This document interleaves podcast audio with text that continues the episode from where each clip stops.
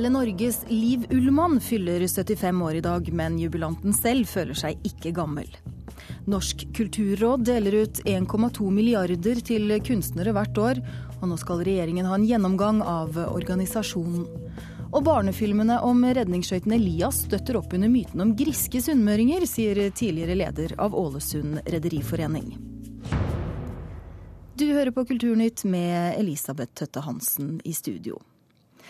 Ja, skuespiller og regissør Liv Ullmanns 75-årsdag feires i hennes gamle hjemby Trondheim i dag.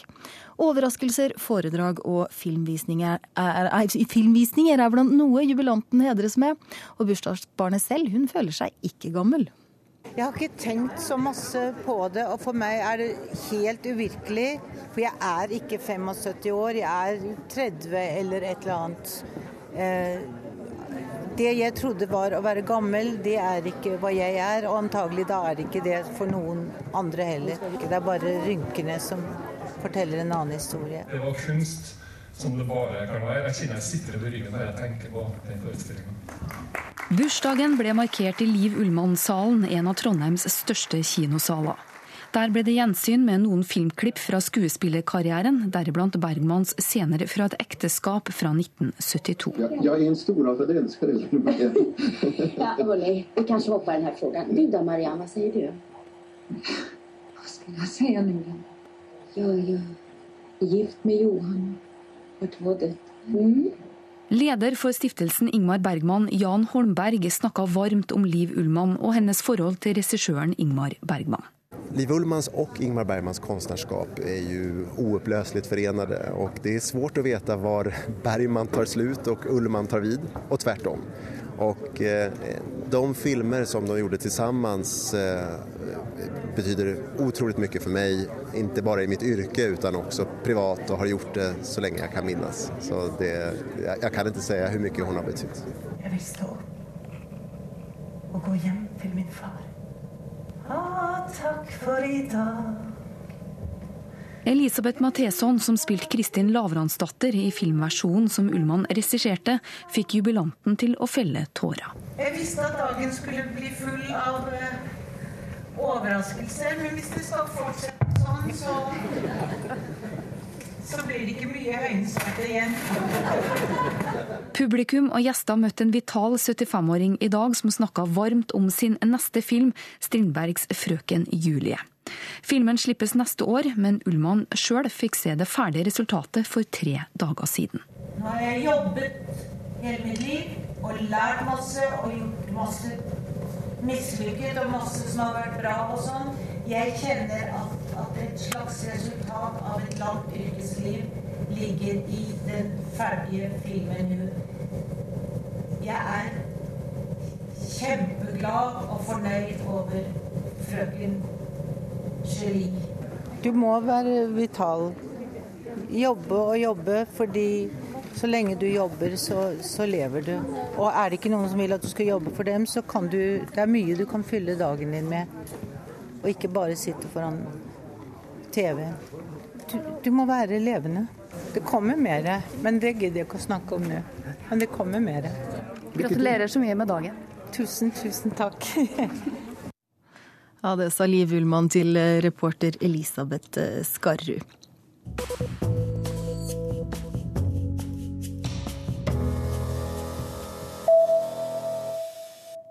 Science fiction-suksessen Avatar skal følges opp av tre nye Avatar-filmer. Filmene skal spilles inn på New Zealand, og regissør James Cameron har inngått en avtale med regjeringen på New Zealand om, subsidier som utgjør 25 av eh, filmenes budsjett. Etter planen vil den første av de tre nye Avatar-filmene ha premiere i 2016. Bon Jovi er den artisten som har tjent mest på, på å turnere det siste året, skriver det amerikanske musikknettstedet billboard.com. Fra november i fjor til november i år skal den amerikanske rockestjerna ha tjent svimlende 1,3 milliarder kroner på turneen. Og alle de 90 konsertene ble utsolgt. og Over to millioner mennesker har kjøpt billetter for å se Bon Jovi. Og Anne Franks dagbok blir en animasjonsfilm for barn. Bak filmen står den israelske regissøren Ari Folman, som er kjent for filmen 'Waltz with Bashir'. Og innspillingene begynner neste år, skriver avisen The Guardian.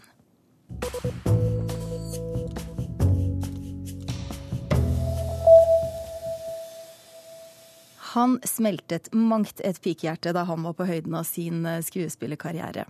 Lørdag døde Lawrence of Arabia-stjernen Peter O'Toole, 81 år gammel, etter lengre tids sykdom. What, in your opinion, do these people hope to gain from this war?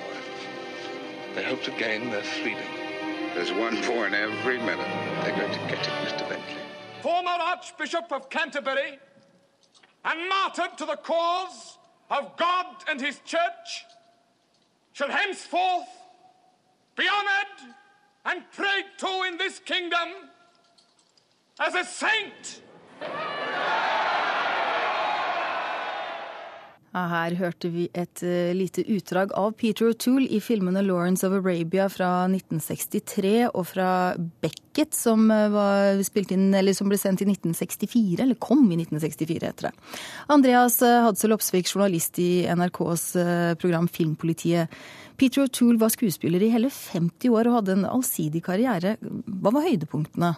Altså, høydepunktet er nok absolutt Lawrence of Arabia. Um, en, en, kan si veldig mye bra om fryktelig mange av de andre i filmene hans òg, men, men, rett og slett var der han hoppa inn som ei stor stjerne og eh, spiller en fantastisk rolle som den britiske eventyreren T. Lawrence. Det, det er en, en, en, nydelig film som, som, absolutt alle bør se. Flere ganger. Hva, hva er det med denne filmen som, som gjorde at uh, O'Toole ble så populær? Er det handlingen, eller hva er det? Altså det, det, er en storslått historie, og det hjelper jo absolutt, men det er et eller annet med uh, måten han framstiller denne figuren på. En litt sånn um, eventyrer som føles ut som han kan sveipe deg av beina og ta deg med hvor som helst i hele verden uten noe problem, omtrent. Uh, og da innbakt i det nydelige området som, som uh, Lawrence Ja, i Lawrence arabiske Eh, land, eh, så blir det helt fantastisk. Ja, for Helt kort, hva, hva, er historien i filmen der? Helt kort så handler det om, eh, om som sagt, T. Lawrence sitt liv. Biografisk, lettere biografisk, om ikke annet. En, en ung britisk offiser som het Lawrence, som skulle rekognosere, finne ut mer om den arabiske ørkenen, men som da klarte å samle det arabiske folk og, og slå tyrkerne ut av landet under, under verdenskrig. En ordentlig helt, altså. En ordentlig helt. Men du, denne helten da i form av Peter O'Toole, han, han, eh, Eller Peter O'Toole, da, i hvert fall. Ikke helten. Han var nominert til Oscar for beste skuespiller hele åtte ganger, men han vant aldri. Hvorfor ikke det? Nei, det er jo, det er jo sånn at uh, hvert år så er det bare én som kan vinne, og um, han tapte jo mot folk som uh, som uh, i, i, 1981 så tapte han mot Gandhi, som òg en fantastisk film en fantastisk stor frontfigur. Uh, Eh, som, som, Så uheldig, eh, kan en vel på en måte kalle det. Han, han eh, tegner vel an til å bli litt sånn som Eller at Leonardo DiCaprio ender opp med å bli litt sånn som han, da. En som har blitt nominert veldig mange ganger, men som i hvert fall bruker tid på å til slutt vinne en Oscar. Så nært, så nært, men ikke helt fram? Ja, omtrent det. Han, han fikk jo da til slutt den æres-Oscaren, eh, honorary Oscar, i 2003. Eh, og han, altså, det er ikke det at han var skuffa, han var fryktelig, fryktelig fornøyd. Eh, men han, han hadde jo fortsatt et håp om at han skulle klare å vinne en for, eh, for, for, for egen maskin. da. For, for, hvordan reagerte han alle de andre åtte gangene når det ikke ble noe Oscar på ham? Nei, Han fikk jo litt sånn um, um, 'always a bridesmaid, never the bride'. Uh, var jo et, et begrep som, som, hang litt ved han, at, den her at han aldri klarte å komme fram sjøl, men at han alltid var med opp i glamouren. Eh, men eh, han var, han var meget, eh, meget takknemlig da han fikk den RSO-skaren. Men da han til slutt trakk seg tilbake i fjor, sånn rundt 80-årsdagen sin, så sa han at nei, nå hadde, nå hadde, faktisk lufta gått litt ut av ballongen. Ja, som du sier, han trakk seg tilbake. Han la opp som skuespiller i fjor, i 2012. Det var like før han fylte 80 da. Hvordan kommer han til å bli husket? Han kommer til å bli huska som en skuespiller som uansett hvilken rolle han har, enten det er eh, som en stemmeskuespiller i, i Pixar-filmen Ratatouille, eller på en måte den store Shakespeare-aktige kongen, altså Henry den andre. Uansett så ga han fullstendig, totalt, absolutt alt. det er en, en, det er en trist, trist dag. Ja, og han ga alt sånn nesten helt til det siste. Takk skal du ha, Andreas Hadsel Opsvik, journalist i NRKs program Filmpolitiet. Og vi snakket altså om Peter O'Toole, den 81 år gamle filmskuespilleren som, eller skuespilleren som døde nå på lørdag.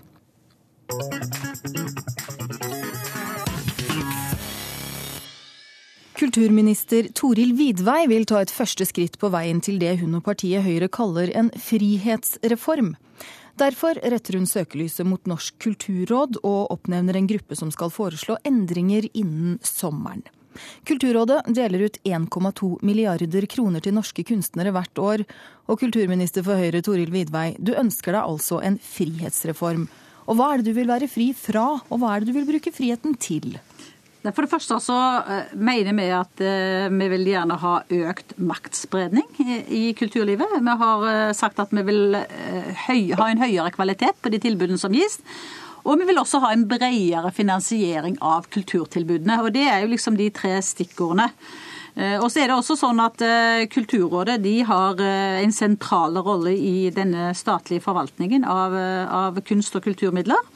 Og nå er det på tide å ta, foreta en gjennomgang av Kulturrådet, både sin arbeidsform og organisering. Det har vi lansert siden vi tok over. Men når du sier maktspredning, kunne du forklare litt tydeligere hva du mener med det? Ja, Det kan gi, gi, gjøre seg gjeldende på mange forskjellige måter. Men uh, eh, f.eks. at man får uh, mer fokus på desentralisering kan være en måte man kan ha maktspredning på. Det å få inn også bredere finansiering av kulturlivet er også en annen måte å, å ha fokus på maktspredning på. Så det er mange måter man kan komme tilbake til det punktet på. Hvis dette er første skritt, hva er da neste, de neste skrittene? Ja, nå tror jeg Det viktigste for oss nå det er jo å få en bred gjennomgang av Kulturrådet.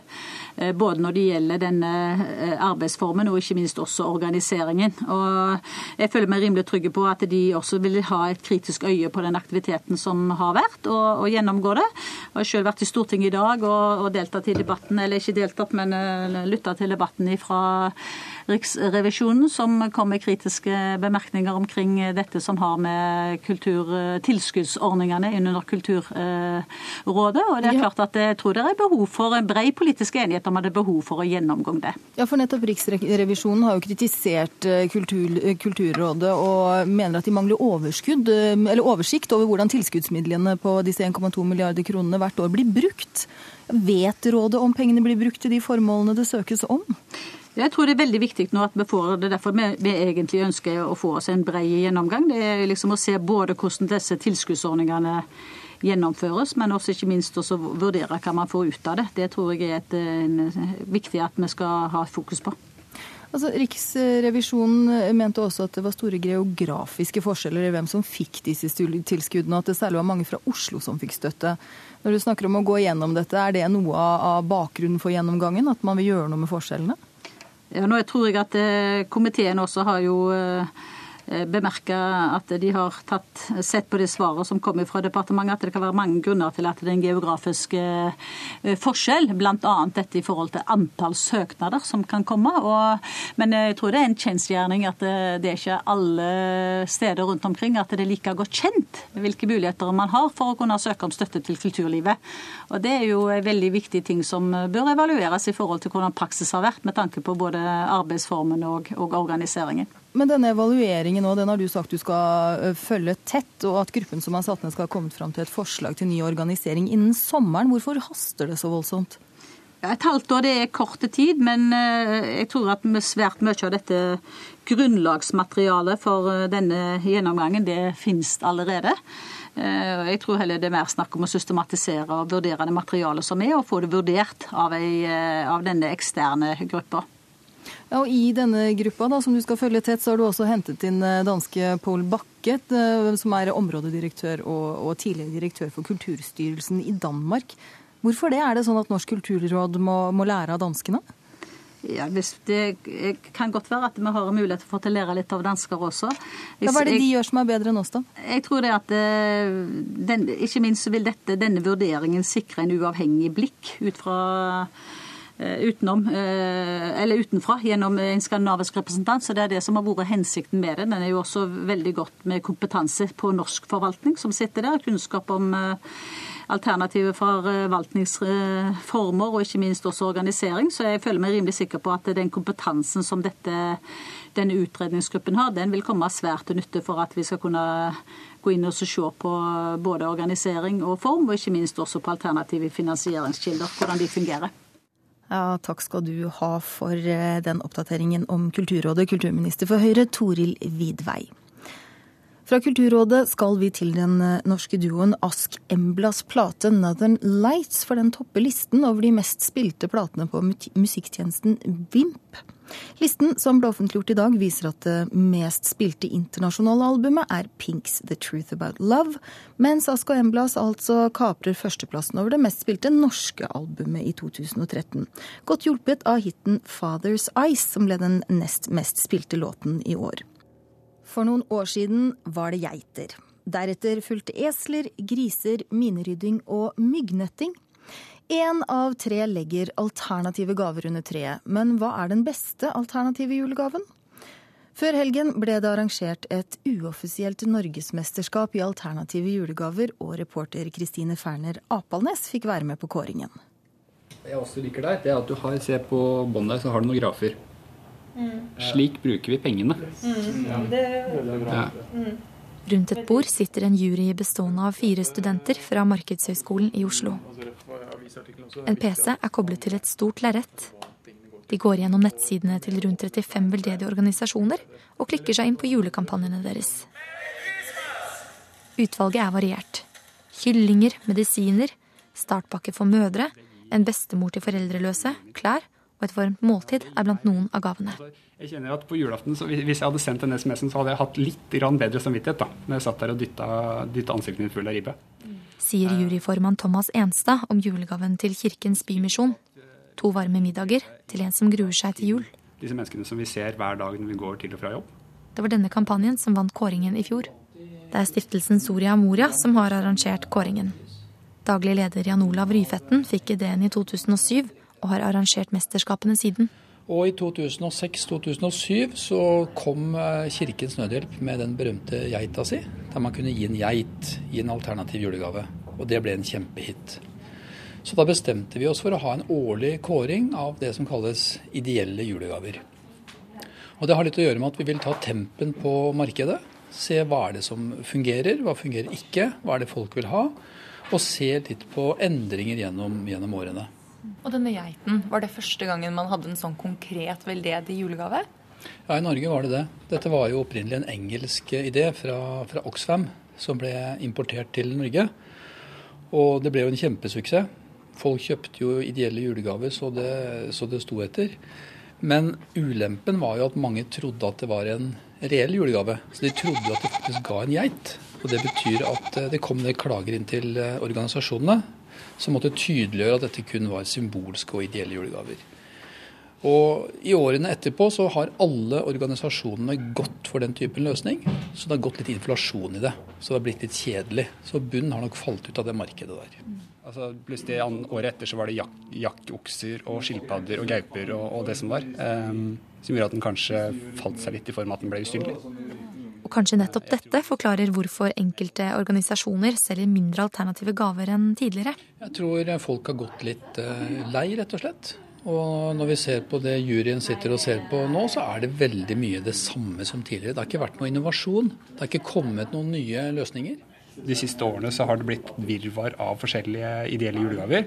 Eh, og det er en jungel som man kan gå seg veldig lettvillig. Eh, og for å, å komme opp her, så må man skille seg ut. Eh, og den være konkret. Mm. Jurymedlem Laura Busala synes også det blir mye likt. Ja, på en måte så var det det, fordi jeg føler at de kampanjene går hele året uansett. Det er alltid organisasjoner du kommer til å høre om eller støtte.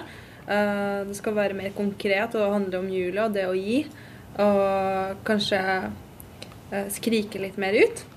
At det er en julegave. Etter to timer har juryen sett gjennom alle forslagene som er sendt inn, og er klare til å kåre en vinner. Så da, Thomas, hvem er årets vinner? Årets ideelle julegave er eh, kampanjen til eh, Norges Blindeforbund, iCare. eh, om å gi syn og arbeidsplasser eh, mot at du får et skjerf fra Nepal. Hvorfor var det de som vant? Fordi kampanjen er treffende, visuelt bra lagt fram. Eh, de har en videosnutt som tar for seg hva, som, eh, hva pengene blir brukt til. Eh, og det er også en, en fin julegave som man kan gi til noen man er glad i. Og den som får bringe budskapet videre til vinneren, det er meg.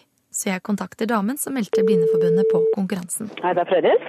Frøydis Garmo Hovden er leder for Blindeforbundets næringslivsavdeling. For å fortelle at skjerfet deres fra iCare er blitt kåret til årets beste alternative julegave. Å, så fantastisk! Ble det det, altså? Ja, det ble det. Å, så moro. Ja. veldig, veldig moro. Hadde du ventet det? Ja, I mitt hode så kan det jo ikke finnes noen bedre julegave. så det, For meg så høres det helt logisk ut, men det er jo ikke sikkert alle tenker sånn, så jeg syns jo det var veldig moro. da. Hvorfor er det, det skjerfet en bedre gave enn f.eks. en geit? Disse symbolske geitene som har vært, dem, eh, det er lite håndfast. Et skjerf, eh, vi som har såpass mange måneder med vinter i løpet av et år, det et skjerf er noe vi bruker. Eh, Og skjerf kan være en påminnelse om er en påminnelse om gaven vår. Påminnelse om at det er ikke alle som har det like bra som meg. Ja, disse skjerfene er laget av lokale i Nepal og finansierer en øyeoperasjon som gir synet tilbake til blinde i lokalbefolkningen der. Og reporter det var også Kristine Ferner Apal Apalnes.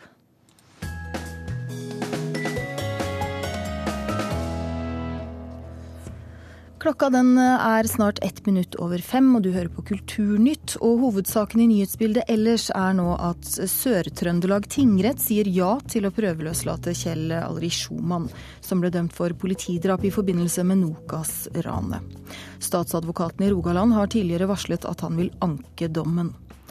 Og fremtiden til det elleve år gamle asylbarnet Hjalda i Tromsø er usikker. Hun må gjennom en ny runde i rettssystemet etter at UNE anker dommen som sier at hun og familien får bli i Norge.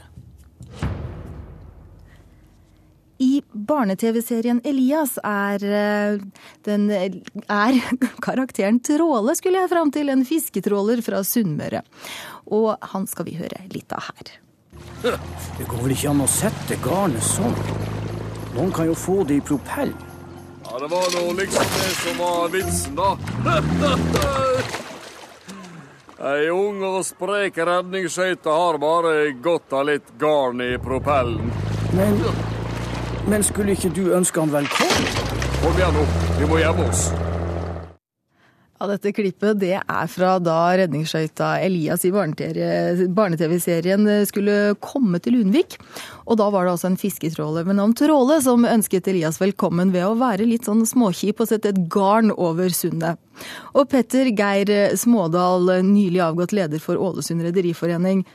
Tråle han har sunnmørsdialekt. Hvilket bilde lager Tråle av fiskere og redere fra Sunnmøre? Nei, det det hører han du sjøl. Jeg syns hele saka er litt er artig. Da. Jeg tok opp i talen min det var noe tema var omdømmet til næringa. og der jeg tenkte hvor, hvor ser andre folk eh, på denne næringa som vi, vi driver i? Altså, det er noen unger sjøl som sitter på den der Elias-serien. da, så Det var der vi, der vi, ikke blir framstilt på en sånn positiv måte. Da, så sa jeg det på litt sånn på fleip. at vi, vi må vel ta inn over oss at det har vokst opp en hel generasjon som har sett på denne serien her og liksom fått et, bilde av denne her sunnmørstråleren som ikke er så verken sympatisk eller kjekk på noen måte. Så, Usympatisk og litt smågrisk. Hva skal vi si, Alf Knutsen, du er en av opphavsmennene til Elias og en av dem som har utvikla karakteren Tråle. Hvordan ville dere at han skulle være? Jeg syns det er kjempekoselig å få komme til studio og få skryte av sunnmøringa, fordi eh, Tråle han var en av de første karakterene vi skapte, og det var helt klart at han skulle være en sunnmøring. Vi har jo en enorm respekt for sunnmøringer, vi. vi. Ja, Er det grunnen? For hvorfor skulle han snakke sunnmørsdialekt?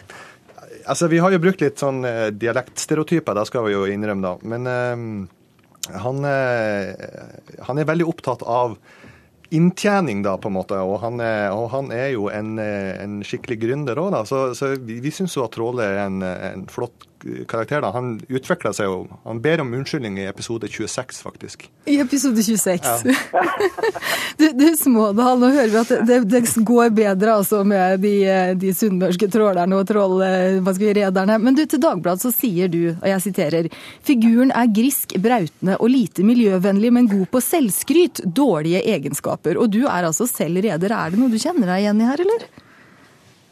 Nei, ikke egentlig. Men uh, når du leser i media og folk uh, som ikke kjenner til næringa, så har jeg fått et bilde sånn ifra uh, det lille som kommer fram i media, så er det for lite, det er for lite positivt. Og Det var også derfor jeg, hadde det med i talen min. at jeg synes Vi bør være flinkere å gå ut og fortelle hva vi, hva vi faktisk styrer med. For jeg tror Elias, eller Tråle i Elias-serien der, gir et et ganske korrekt bilde av sånn som folk flest. I alle eh, når du kjører mest om fjell, så har de et sånt syn på spesielt store båter. Det er litt, litt brautende og uansvarlig og litt sånn eh, kjekkaseri. Men eh, serien er bra, den. og eh, Man skal ikke glemme at han var, Trål var vel den eneste som torde å gå Skumlesund. Ja, det, det, er viktig. Ja, For, for, for Knutsen, vi hører jo her at, at, Smådal selv eh, sier at ja, mulig man har fått et litt feil bilde av sunnmøringene, men at det er eh, det at man eh, ser på dem som litt gjerrige, kanskje. Men ved at dere, dere bruker den dialekten på, på, trålet, er dere med på kanskje å støtte opp under en slags stereotypi og videreføre det hos barn som ser på dette? her? Ja, kanskje det, jeg vet ikke. Altså, Jeg er jo oppvokst i Nord-Norge, og der er det jo så man har et spesielt forhold til disse sunnmøringene. Eh, de kommer jo oppover med flotte båter, og, eh, men vi har enorm respekt for dem. For de er liksom så driftige. De er som sagt opptatt av inntjening. Og, og Tråle det er jo han som egentlig holder oppe hele Lundvik-samfunnet her. så nå kommer det jo no, nye 52 episoder, så da kan man også se at han blir stadig snillere og enda mer integrert i det Samtidig. Kommer flere unnskyldninger? Ja, ja, ja nå tror jeg han kanskje han ber om unnskyldning hver eneste episode. Altså. Så, hva, sy hva syns du om det, Smådal? Er det håp? Ja, det høres bra ut. Det høres bra ut. Kanskje vi kjenner oss litt mer igjen etter hvert. Mm. Ja, for Hva syns du om at det vokser opp en hel generasjon som blir kjent med fisketrålere på Sunnmøre på den måten her? Nei, det var det som var temaet i talen min. med, og uh, Jeg ville bare illustrere det med der, å nevne det trålige Elias-serien. Men uh, det er klart vi må bli flinkere å fortelle om verdenen hva vi, hva vi faktisk styrer med. Det var det som var hele poenget da. Så sa han litt på, litt på fleip da, det der med tråle, for jeg tror det er ganske sånn typisk oppfatning av oss når du kommer utenom eh, området her som vi kjenner til. det. Så, Men det er, det er ikke noe ondt blod, altså? Nei, nei, absolutt ikke. Det, altså, Myten om sunnmøringer den er vel eh, altså, det meste positiv, egentlig. Det er vel eh, Vi er slett, ikke slett så gjerrige som eh, vi blir framstilt av og til, da. men...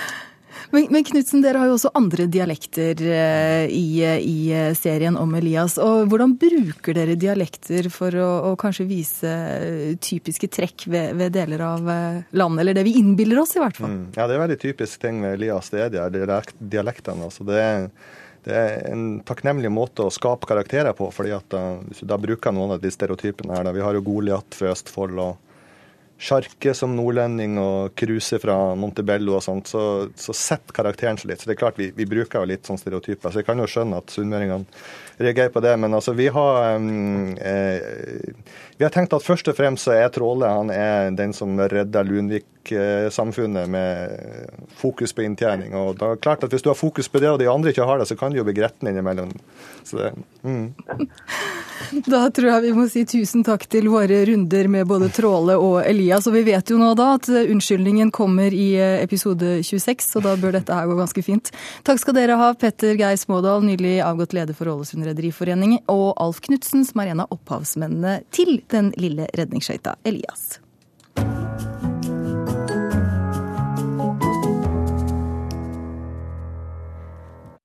Å krype til korset, fiasko, hokus pokus, ramaskrik. Ord og uttrykk fra myter og fra Bibelen gjennomsyrer hverdagsspråket vårt. Og sånt nå blir det boka når en mytolog og en språkguru begynner å snuse på sakene. Terje Nordby, dramatiker, forfatter og mytolog, og kjent fra mytekalenderen her i NRK. Og Sylfest Lomheim, filolog, forfatter og professor i nordiske språk ved Universitetet i Agder. Velkommen til Kulturnytt, begge to.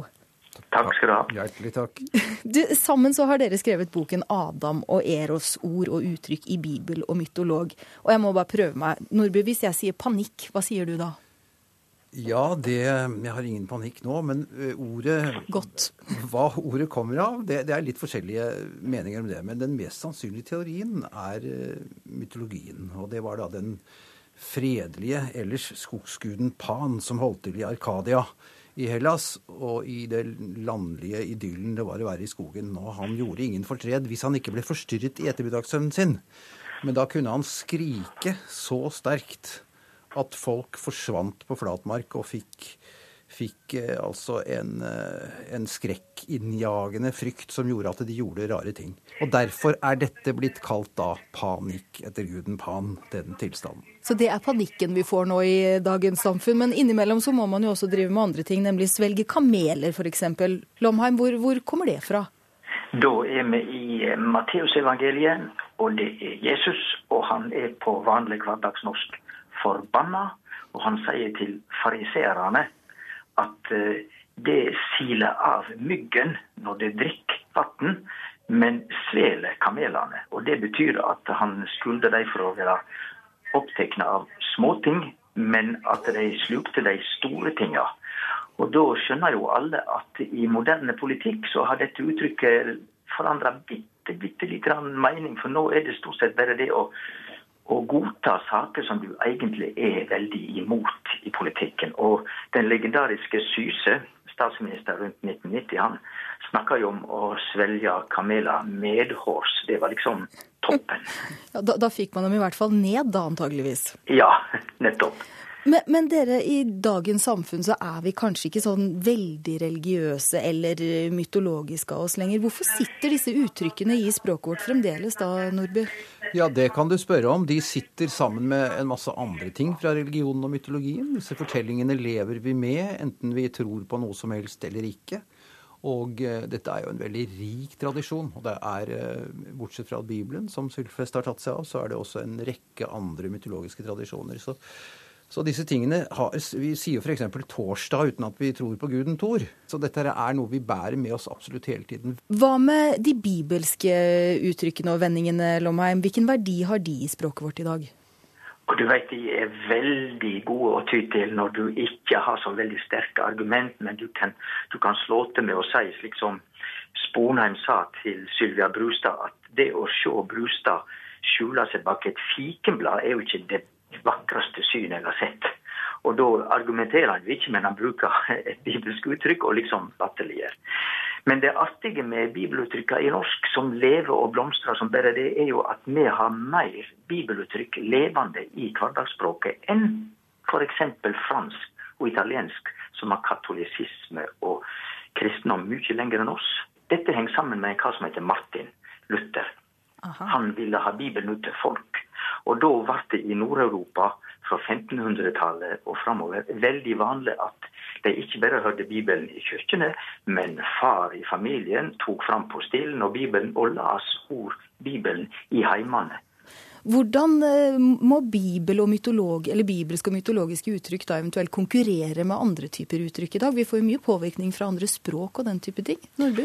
Ja, men jeg tror de står seg veldig godt, for de ligger så grundig i denne tradisjonen og har blitt en sånn del av vår språklige identitet at vi, vi, vi vet jo ikke hva de kommer av. Det, det går jo fint an å bruke disse ordene uten at du uten at du aner hva de kommer av. Og det er ikke, det er ikke viktig engang, men det er veldig morsomt å vite det, da. Eh, de mest selvfølgelige Eh, ord og vendinger har sin rare, lange, merkverdige historie.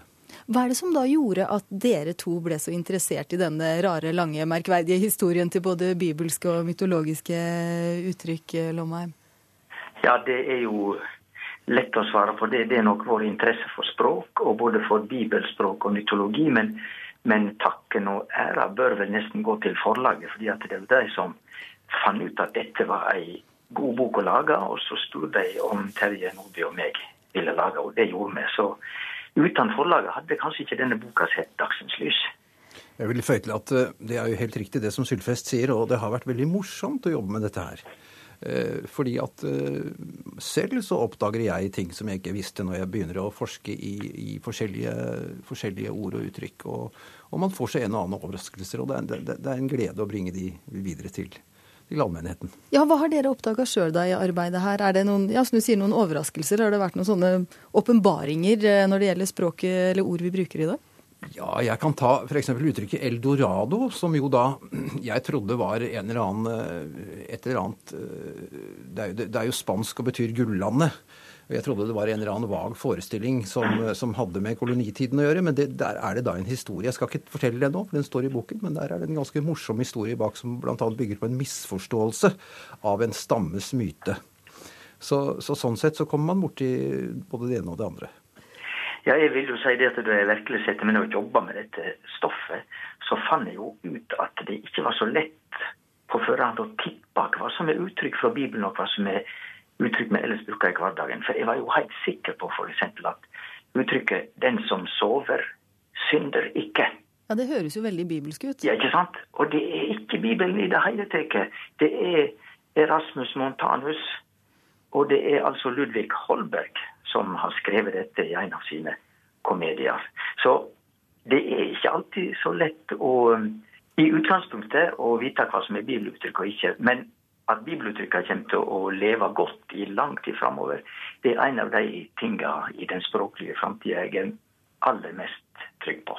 Ja, Trass i at vi ikke går så mye i kirken lenger, altså, så blir det hengende, hengende ved i språket vårt? Å ja da.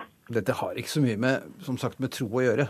Det, det er jo min også oppdagelse etter å ha arbeidet med myter i snart 30 år, at disse tingene har banet seg inn. Og vi, vi, vi kan, er, det er en sånn som vi, vi har ikke kontroll over det. altså De er en del av vår måte å være på, rett og slett. Ja, Der fikk vi eh, jammen vite ganske så mye om både bibelske og mytologiske ord. Takk skal dere ha begge to. Terje Nordby, dramatiker, forfatter og mytolog. Og Sylfest Lomheim, filolog, forfatter og professor i nordiske språk ved Universitetet i Agder. Det skjedde i de dager, heter det. Men hva skjedde egentlig? I tiden før jul skal vi høre hva forskere og arkeologer vet om livet for 2000 år siden.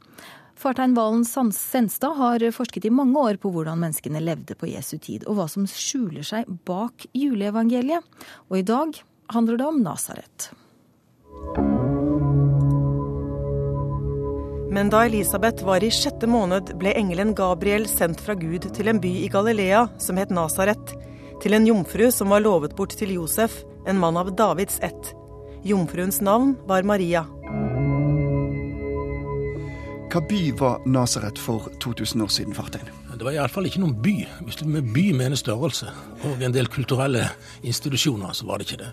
Altså Det arkeologien eh, har gravd fram, og det man gjennom den har kunnet identifisere, det er et areal som svarer til at her bodde det mellom 200 til 400 mennesker. Nede i et lite dalsøkk, 500 meter over havet, rett overfor ei fantastisk israelsslette. En bitte liten plass med ei vannkilde. Og hva gjorde de med det vannet? De dyrka korn, de dyrker oliven, de dyrker vindruer. Og det er middelhavsdietten. Hva forteller arkeologien og historien om oppveksten til Jesus i Nasaret? For det er jo byen han vokste opp ja, altså, i. Det vi veit, det er jo at, at det var enkle forhold, enkle kår. Steinhus, gjerne bygd av naturstein, med gjørme og strå som man brukte til, til å tette med. Og så på taket så var det stokker og gjørme og strå, så det var primitivt og enkelt. Og huler. Relativt enkel måte å stikke og grave på gjorde at det kunne bli huler. De brukte de som sisterner, de brukte de som lagring av korn og boliger. Og så jammen santen òg for dyr. Ja, men vet en eh, hvor barndomshjemmet til Jesus er? Nei. Man, har han leitet etter det? Det er mulig å finne noe sånt. fordi det, da leter du til nål i en høystakke. Enkeltpersoner og historier er det vanskelig å finne. Du kan finne miljøet, men du finner ikke en lapp utenfor en stein gravert inn at her bodde Jesus. Det, det var det ikke. Men er det gravd mye i byen? Det er ikke lett å grave nå når det bor 50 000-60 000 palestinere. Det er for en by oppå gamlebyen? Ja. Bygd by på by på by. Og det du finner mye fra i Nasaret, det er fra bysantinsk tid, det er fra 300-tallet. Ned under tidlig romersk tid, rundt år null og den tida der, da er det veldig lite. Og det man lille man har funnet, tyder på et enkeltliv med en del penger, en del keramikk, en del eh, ting som man har eh, fått tak i, og som sikkert kom via selging av noen varer og jobbing nede i denne byen som ble bygd opp når Jesus var guttunge. Hvor mange bor i Nasaret i dag? Ja, nede i selve Nasaret så bor det vel en 50 000-60 000 palestinere, og så er det tilsvarende med jøder oppe på Nasaret Elit, altså høyden over og rundt byen. Og mange drar til Nasaret for å se Jesus en by i dag? Å, ja. En fantastisk kirkebygg i midten. Med dramatiske gaver fra fattige folk og fantastisk byggverk. Og der kommer de, år inn og år ut. Det er vandring dit opp. Og naturen rundt, og gå rundt ute og ned til Israelsletta. Da får du med deg gamle historier òg, altså.